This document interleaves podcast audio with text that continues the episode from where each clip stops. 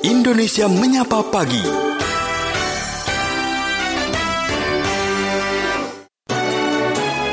Dialog Kesehatan.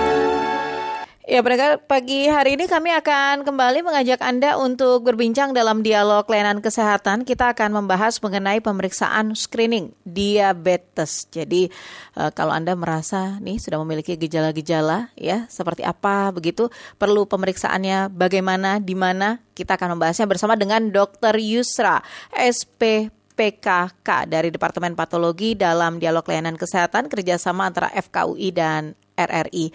Selamat pagi, Dokter Yusra. Selamat pagi, Mbak Putika. Salam sehat.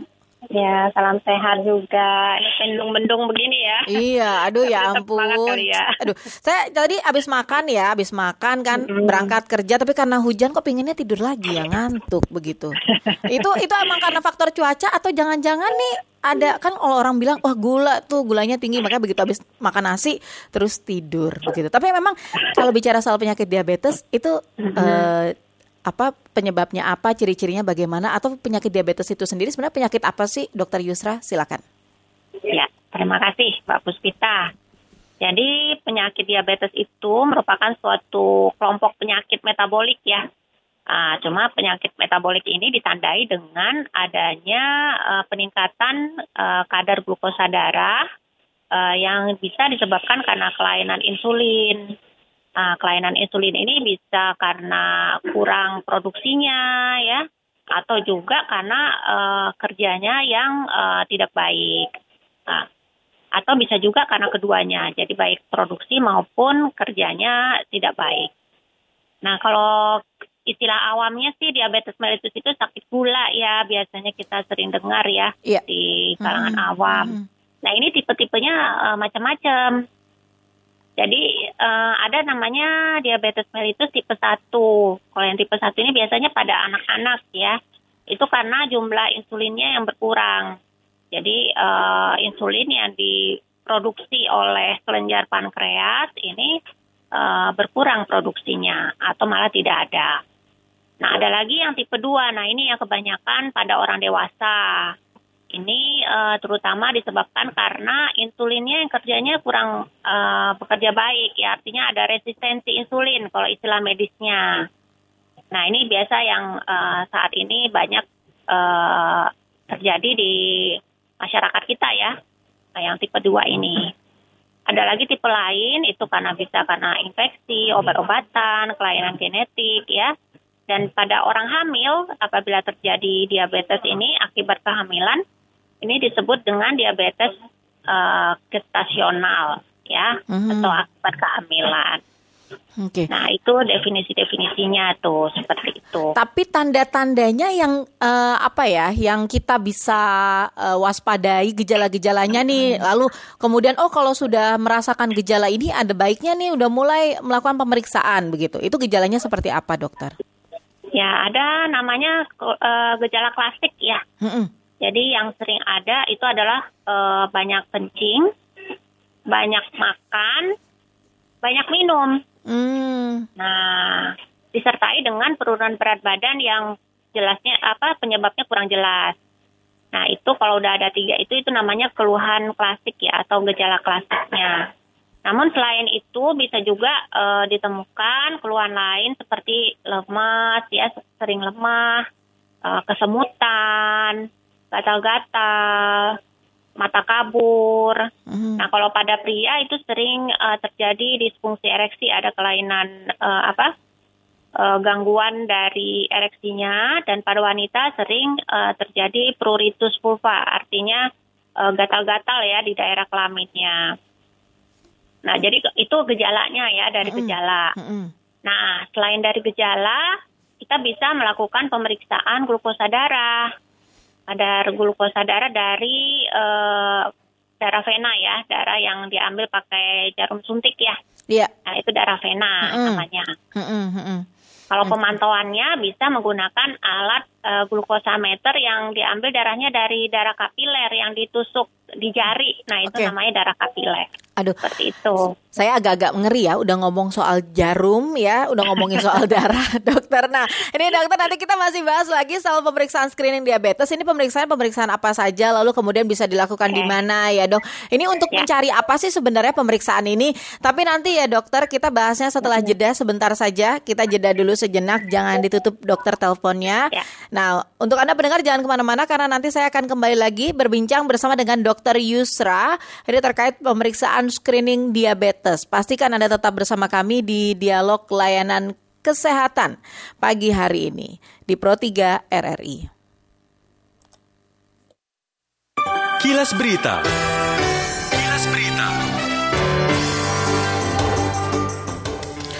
Kepala Badan Meteorologi, Klimatologi, dan Geofisika BMKG Dwi Korita Karnawati mengungkapkan bahwa sejumlah rekomendasi ahli untuk mencegah katastrofe merupakan gempa Turki di Indonesia berdasarkan hasil diskusi analisis pembelajaran gempa bumi Turki.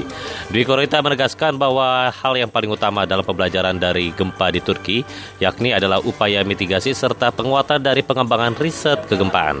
Informasi ini dan informasi lainnya dapat diakses di laman resmi kami rri.co.id.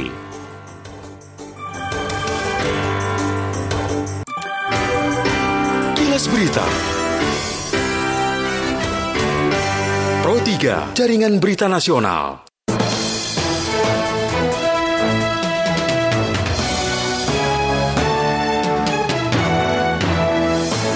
Pro 3 Jaringan Berita Nasional Terima kasih untuk Anda pendengar yang masih bersama kami di Pro 3 RRI. Kita lanjutkan kembali ya Indonesia menyapa pagi. Kami masih uh, membahas mengenai pemeriksaan screening diabetes pagi hari ini dalam dialog layanan kesehatan. Saya masih bersama dengan Dr. Yusra SPPKK dari Departemen Patologi Klinik. Uh, Dr. Yusra, masih bersama kami ya, dok. Oke, dokter. Masih. Jadi begini, bicara soal pemeriksaan screening diabetes ini, ini sebenarnya pemeriksaan pemeriksaan seperti apa? Lalu kemudian bisa dilakukan di mana? Itu saja dulu. Oke. Jadi untuk pemeriksaan diabetes ini kita bisa melakukan pemeriksaan glukosa darah namanya ya. Mm-hmm. Tapi pemeriksaan glukosa darah ini ada macam-macam. Jadi ada yang namanya pemeriksaan glukosa darah puasa. Jadi diperlukan puasa dulu. Mm-hmm. Puasa di sini artinya tidak ada asupan kalori minimal selama 8 jam. Jadi biasanya nih kita uh, mengingatkan ke pasien itu, ibu jangan mak uh, terakhir makan malam itu jam 10. Uh, habis itu kan tidur tuh. Mm-hmm. Uh, jam uh, jangan makan lagi sampai jam 8 pagi diambil darahnya. Gitu. Nah, minum boleh ya, asal hmm. minumnya tidak manis ya. Artinya tidak ada asupan kalori minimal selama 8 jam. Air putih lah ya minumnya begitu Air ya dokter Isra ya. ya. Betul. Okay. Dokter. Nah, selain hmm. glukosa puasa, hmm. ada lagi glukosa sewaktu, artinya nggak perlu puasa ya. Langsung. Tapi nanti itu uh, uh, nanti kadarnya berbeda ya untuk hmm. mendiagnosis diabetesnya. Kalau yang hmm. glukosa puasa tadi, kalau kadarnya di atas atau sama dengan 126, itu udah masuk kategori diabetes. Tapi kalau glukosa sewaktu itu kalau lebih atau sama dengan 200 mg per desiliter ditambah dengan keluhan klasik tadi yang banyak makan, banyak minum, banyak kencing, hmm. nah itu sudah uh, bisa dikategorikan sebagai diabetes mellitus. Oh begitu ya. Tapi hmm. Dokter Yusra begini, uh, ya. berarti apa ya namanya pentingnya kita kemudian melakukan pemeriksaan screening diabetes ini apa sih? Ya, semakin uh, cepat terdiagnosis diabetes ini, tentu kita bisa melakukan uh, pengendaliannya dengan cepat ya, karena diabetes mellitus ini penyakitnya lama kelamaan bisa menyebabkan komplikasi baik ke mata, ke kaki ya, misalnya ada luka-luka namanya kaki diabetes ya. Ada juga uh, sering apa namanya penyakit jantung ya. Itu juga bisa merupakan komplikasi dari penyakit diabetes sehingga apabila uh, kadar glukosa darahnya atau penyakit diabetes ini terkendali nah tentu kita bisa mencegah uh, terjadinya komplikasi ke arah tadi itu. Penyakit jantung ginjal ya. Uh, penyakit kaki diabetes Uh, kalau di mata itu namanya retinopati diabetik ya. Mhm. Nah, seperti itu. Hmm, Oke, berarti memang kalau kita sudah merasakan beberapa gejala-gejala yang tadi ya Dokter Yusra ya, ada baiknya segera melakukan pemeriksaan. Iya, betul. Nah, tadi belum Jadi- dijawab sama Dokter Yusra. Jadi pemeriksaannya bisa dilakukan di mana aja Iya, sih, iya. Dok? Iya, jadi pemeriksaan itu sebaiknya di laboratorium ya, Hmm. laboratorium yang di rumah sakit ataupun laboratorium klinik yang eh, swasta ya. Hmm. Tapi bisa juga menggunakan eh, apa namanya alat glukosameter yang sering di Yang di rumah itu ya sendiri. Ya, yang di rumah. Itu itu bisa ya? Ah, Itu bisa ya? Bisa itu tapi harus dikonfirmasi ya, dikonfirmasi Oh. juga. Kalau misalnya kita ketemu Hmm. eh, kadar glukosanya tinggi, Langsung segera di ke dokter juga gitu ya. Ah, iya Oh, betul. Jadi oke. langsung ke dokter untuk uh, pemeriksaan yang lebih apa namanya ya, lebih akurat Mm-mm, di laboratorium-laboratorium gitu. Oke. Nah, dokter, kalau misalnya kita sudah menemukan nih gejala awal, ya sudah Ya. kemudian eh, sedang daha, dalam tahap misalkan mungkin periksa atau mungkin sudah periksa, sudah diketahui nih, wah kadar gulanya tinggi. Apa yang bisa segera dilakukan oleh masyarakat? Oke. Jadi masyarakat kalau sudah terdiagnosa uh, diabetes, Mm-mm. Baiknya berkonsultasi kepada dokter ya. Ke dokter untuk eh, dilakukan eh, tata laksana. Tata laksana itu bisa berupa eh, pengaturan pola makan, eh, aktivitas, ya, juga obat-obatan. Tapi eh, level pertama itu pengendaliannya itu di level eh, perubahan eh, pola makan dan aktivitas gitu. Mhm. Kalau dengan eh, dua cara itu tidak bisa terkendali, baru menggunakan obat-obatan Oke. itu. Nah, ini ini dok banyak pertanyaan ya. Saya nggak tahu mungkin eh, entah kemudian eh, pendengar juga berpikir begitu, tapi banyak pertanyaan khususnya diri saya sendiri gini. Eh, Ah, saya diet aja deh biar nggak kena diabetes. Itu benar gak sih? Atau misalkan, oh saya nggak mau lah, saya nggak mau minum yang manis-manis ah gitu supaya nggak kena diabetes. Itu benar gak sih dok?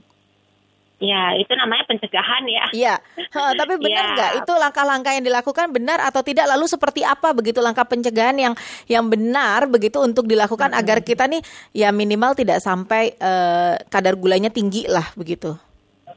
Ya, memang kita harus membatasi eh, ini ya konsumsi gula ya, jangan terlalu banyak ya Hmm. gula. Hmm. Nah, apalagi sekarang kan banyak dijual tuh minuman-minuman yang manis-manis tuh, yang apa namanya tuh eh sering di mall-mall itu yang pakai Oh iya pakai eh, pakai boba lah begitu iya, ya. pakai boba. Ah, Nah, Oke oke itu oke. perlu dibatasin ya, artinya sehari jangan sampai berkali-kali gitu minum manis. Mm-mm. Paling sehari sekali aja sudah cukup. Manisnya gitu untuk minum manis manis. gula yang biasa atau untuk minuman-minuman seperti itu, Dokter Yusra? Eh, ya itu udah termasuk misalnya dalam sehari ya. Mm-mm. Kalau kita minum yang boba-boba itu ya sekali aja sehari, jangan eh, ditambah lagi dengan teh manis atau kopi. Pilih ya, manis, pilih gitu. salah satu Iya, begitu pilih ya, satu, Dokter Yusra ya. Semuanya. Oke. Nah, Dan apabila eh, mengkonsumsi yang manis-manis, sebaiknya aktivitasnya juga ditambah gitu. Hmm, hmm, hmm, hmm. Jadi eh, aktivitas fisik ya supaya nanti gulanya Iya. menjadi tenaga begitu ya dokter ya. Betul. Oke. Nah kalau dietnya nih dok, biasa suka banyak perempuan apalagi kan begitu ya, yang wah ini Iya. ah, timbangan udah ke kanan terus nih kayak kebanyakan gula nih kemarin minum. Terus diet langsung nggak makan apa-apa. Oh, jangan sampai nggak makan apa-apa. Justru untuk orang diabetes Heeh. itu juga perlu Oh, makan yang ada karbohidratnya, tapi mm-mm. proporsinya ya perlu diperhatikan. Nah, itu perlu konsultasi ke dokter gizi nanti. Oh. Eh, nanti oke. diberitahu bagaimana kom- komposisi makanan yang baik dalam satu piring itu berapa persen karbohidratnya, berapa persen protein yang kita makan, lemak hanya sedikit gitu. Hmm, hmm, hmm. Seperti Oke. itu. Jadi konsultasikan ke dokter gizi nanti. Gitu. Oke, berarti yang jelas kalau sudah menemukan uh, ciri-ciri seperti itu lebih baik segera periksa ke ah kepada ahli begitu ya kepada dokter supaya Betul. nanti bisa mendapatkan saran yang benar begitu ya dokter Yusra ya. Iya betul. Oke, jangan nanyanya ke saya, saya nggak tahu soalnya mesti kasih saran apa. Baik, dokter Yusra sekali lagi uh, pesannya untuk masyarakat dokter menutup juga uh, perbincangan kita pagi hari ini silakan. Ya, jadi uh, sebagai penutup mungkin uh, saya perlu memberitahukan uh, pada siapa nih pemeriksaan penyaring yang perlu ya. Nah, itu perlu dilakukan pada orang dengan usia di atas 45 tahun tanpa faktor resiko apa-apa. Jadi setiap yang udah berusia lebih dari 45 tahun itu sebaiknya melakukan pemeriksaan glukosa darah untuk melihat uh, adanya penyakit diabetes ini. Kalau normal diulang setiap tiga tahun, ya. Nah, uh, pemeriksaan penyaring ini uh, wajib dilakukan pada orang dengan berat badan lebih, ya, di mana indeks massa tubuhnya lebih dari 23 atau disertai dengan uh, satu atau lebih faktor risiko, misalnya dia aktivitasnya aktivitas fisiknya kurang, ada keturunan DM di dalam keluarganya, terus perempuan dengan riwayat melahirkan berat bayinya yang besar ya lebih dari 4 kilo atau punya riwayat DM gestasional, ada hipertensi, mm -hmm. ada kadar kolesterolnya yang tinggi, terus uh, ada riwayat prediabetes, obesitas atau riwayat penyakit yeah. kardiovaskuler. Nah ini pada orang yeah seperti ini itu sebaiknya dilakukan pemeriksaan uh, screening uh, glukosa darah ini mm-hmm. uh, segera gitu okay. ya untuk mengetahui uh, apakah benar ada dia DM atau tidak. Gitu. Oke, okay. baik, uh, Dokter Yusra, terima kasih sudah berbincang bersama dengan kami pagi hari ini. Mudah-mudahan informasinya bermanfaat, Dokter ya. Amin, amin. Mudah-mudahan bermanfaat ya. Selamat kembali beraktivitas, Dokter. Salam sehat selalu. Selamat pagi. Selamat pagi, salam sehat. Demikian mendengar Dokter Yusra SPPK dalam dialog layanan kesehatan kerjasama FKUI dan Radio Republik Indonesia. Dialog Kesehatan.